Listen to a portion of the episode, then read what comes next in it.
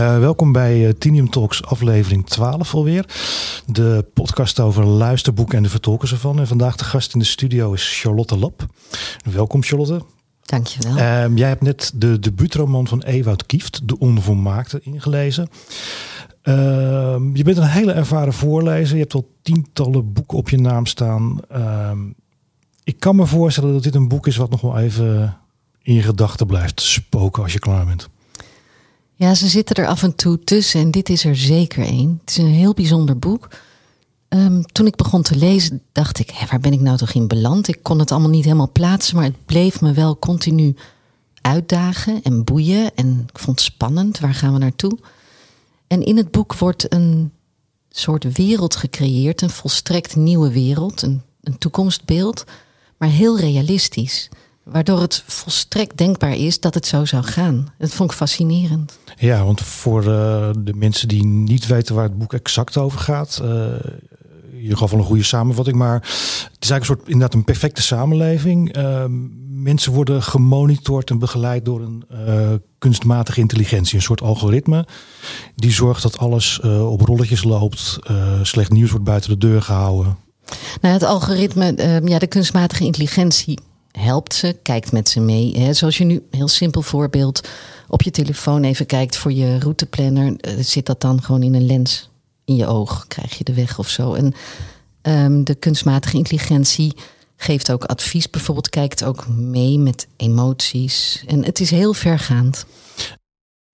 Jij bent dus de stem van zo'n uh, artificial intelligence, ja. uh, Gina.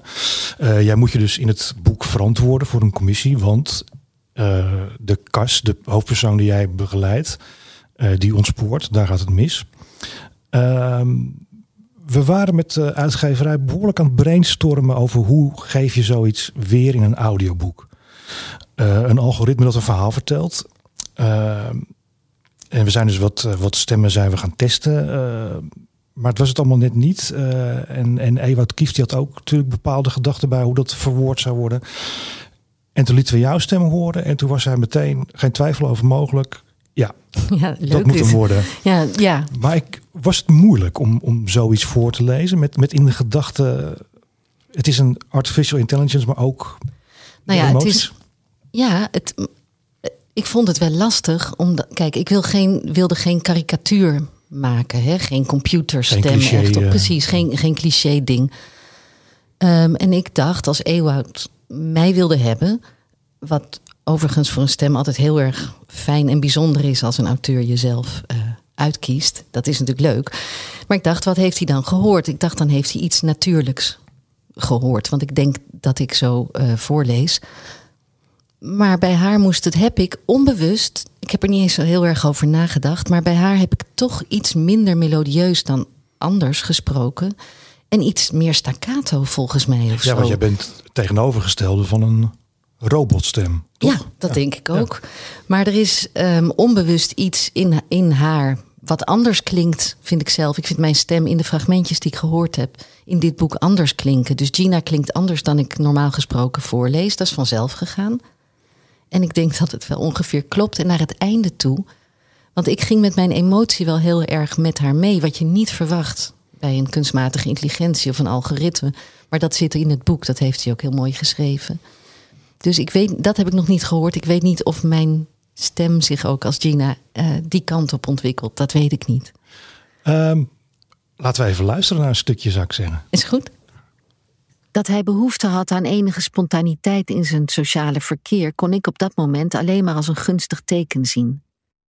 Hij had al zo lang louter ontmoetingen gehad op de sociale platforms en in de simulaties die hij speelde, dat elke interactie in de fysieke wereld welkom was. Het is een steeds grotere uitdaging geworden om de balans te herstellen, om ze net zo geïnteresseerd in hun directe omgeving te laten zijn als in de virtuele met alle prikkels die daar op hun individuele voorkeuren zijn ingericht, al hun fascinaties waar we direct op in kunnen spelen. Wie heeft nog geduld voor dagen die geen garantie bieden op bevrediging? Wie zwerft nog rond in steden en velden zonder te weten waar hij eindigen zal? Wie neemt nog werkelijk de kans voor lief dat er niets noemenswaardigs zal gebeuren, dat de dag eindigt zoals die begon? Nou ja, zover zijn we eigenlijk al, toch? Ja, maar Wat, wat, heeft hij dat goed geschreven? Ja. Wat een waanzinnig uh, mooie, goede zinnen. Ja, ik heb dit. het al een paar keer voorbij horen komen, dit stukje. En naarmate ik hem vaker hoor, hoe meer betekenis het krijgt. Ja, het is een heel goed boek. het is echt een heel goed boek. Wat, wat, wat ik heel leuk vond, uh, behalve het feit dat uh, jij niet de enige voorlezer bent, maar dat er een hele kast in het boek zit, maar daar komen we zo op. Ewout Kieft heeft zelf het personage Kast gelezen.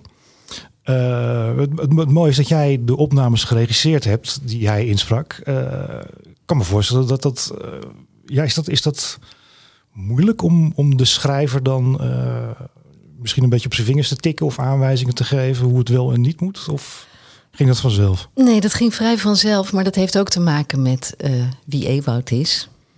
Stelde zich heel bescheiden oh ja. op. En uh, had wel zo zijn ideeën volgens mij bij hoe ja. Cas moest klinken. Maar dat vond ik ook juist leuk. Daar keek ik ook wel naar uit. Ik dacht, want ik maak me natuurlijk tijdens het lezen een voorstelling van Cas. Maar Ewoud heeft natuurlijk, die heeft het geschreven. Dus die heeft Cas nog wel helderder in zijn hoofd. Dus toen Ewoud begon te spreken of voor te lezen... toen dacht ik, oh wacht even, dit is Cas. Oh ja, zo klinkt Cas. Het enige wat lastig was, was dat Ewoud soms zo gedreven was... dat ik hem een beetje terug moest houden.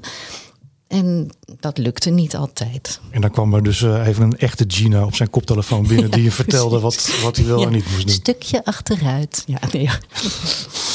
Um, ik zei het net al, de, uh, je bent niet de enige die het voorleest. Um, de commissieleden worden door een aantal stemacteurs uh, gedaan. Ik, ik, noem ze meteen maar even op, dan hoef ik dat straks aan het eind te doen. Mm -hmm. Eva Dame, Willemijn de Vries, Louis van Beek, Sander de Heer, Huub Dikstaal en dan vergeet ik er volgens mij Rick van de Westerlaken. Ja, um, we gaan even naar een heel klein stukje luisteren van uh, naar de commissieleden. Ja. Speelt etnische achtergrond nog een rol? Nou, betwijfel ik. Dat zien we eigenlijk nauwelijks meer als relevante factor. Leeftijd? Zou kunnen, zou kunnen. Zijn de connecties nog via de co-ops gegaan misschien? Uh, mensen, zullen we ophouden met de speculaties en het aanwijzen van de relevante correlaties aan Gina overlaten? je hebt helemaal gelijk, Michael. Ja, we lieten ons even meeslepen, geloof ik. Uh, even kijken. Oké, okay, als het goed is, hebben jullie hem inmiddels allemaal binnengekregen. Kan iedereen hem zien? Ja. Zeker. Hier ook. Tering. Sorry. Ik bedoel, dat is toch wel indrukwekkend? Vind je niet? Ja, ik moet zeggen dat ik hetzelfde dacht als Louise. Dat het zo getarget zou zijn, had ik ook niet verwacht. Klopt dit echt? Dit lijkt wel van bovenaf georchestreerd, maar dat kan toch helemaal niet? Dit zou inderdaad niet het beeld zijn als de verspreiding spontaan zou zijn verlopen. Nee, natuurlijk niet. Dat zou er totaal anders uitzien. Dit is duidelijk gecoördineerd. En kundig ook, als ik zo vrij mag zijn.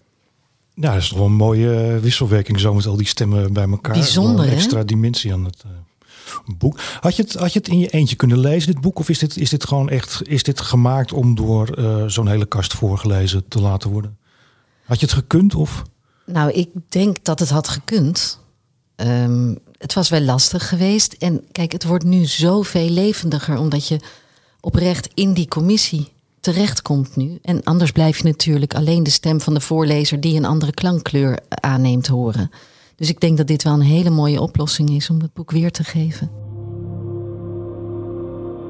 Maar ik zal eerlijk zijn, ik zal het jullie vertellen. Ik was precies zo. Ik was net zo. Net zo tam. Net zo goedgelovig. Net zo argeloos. Ik dacht, ze zullen het wel weten. Ze zullen wel het beste met me voor hebben. Dit is echt. Dit lijkt wel van bovenaf georchestreerd. Maar dat kan toch helemaal niet? Wie zit hierachter? Ik dacht dat ik het zelf dacht. Alles wat in mijn oor werd gefluisterd. Ik dacht dat ik het zelf Ik begin me werkelijk af te vragen aan wiens kant dit algoritme eigenlijk staat. Er is altijd een spanning geweest tussen de belangen van Gina en die van handhaving. Wat? We weten dus verder niets over waar hij die acht dagen heeft doorgebracht. Um, Gina, heeft Cas na die week in september, na die acht dagen in september, nog vaker de registratie op non-actief gezet? Gina? Gina?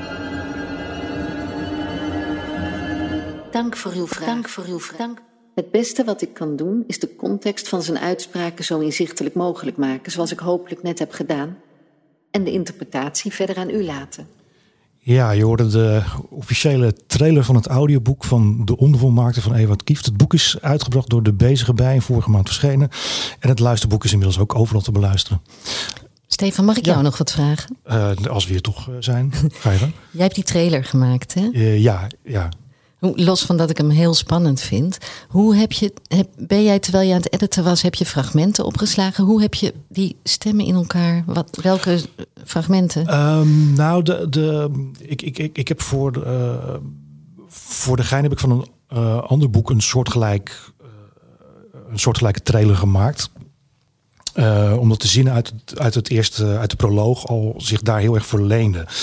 En de uitgeverij van dit boek uh, had toen eigenlijk al plannen van, nou, als het onvolmaakte gaat komen, willen we zoiets.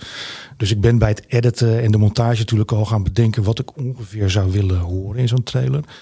En omdat dit die commissie en Gina zo'n ja, zo'n continu vraag-antwoord mm -hmm. uh, spelletje is ben ik inderdaad vragen en antwoorden uh, al gaan onthouden van uh, apart gaan zetten van nou, als dit gebeurt er volgens mij wel iets. Maar het zijn dus inderdaad fragmenten uit, uit het hele boek. Uit het hele boek, ja, ja, gaaf ja. hoor. Werkt heel goed. Ja. mooi. Nou, dankjewel. Oké. Okay. Uh, dit was Tinium Talks, aflevering 12 met Charlotte Lap over onvolmaakte van Ewout Kieft.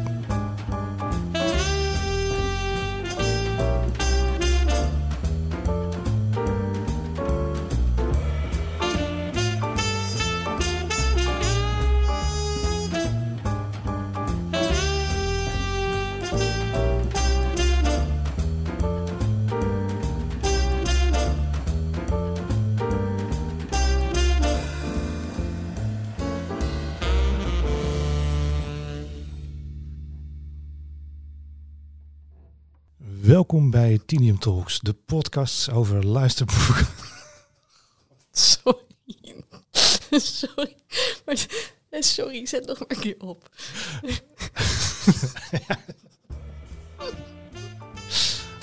Je kan aan het einde bij de bonus. Ja.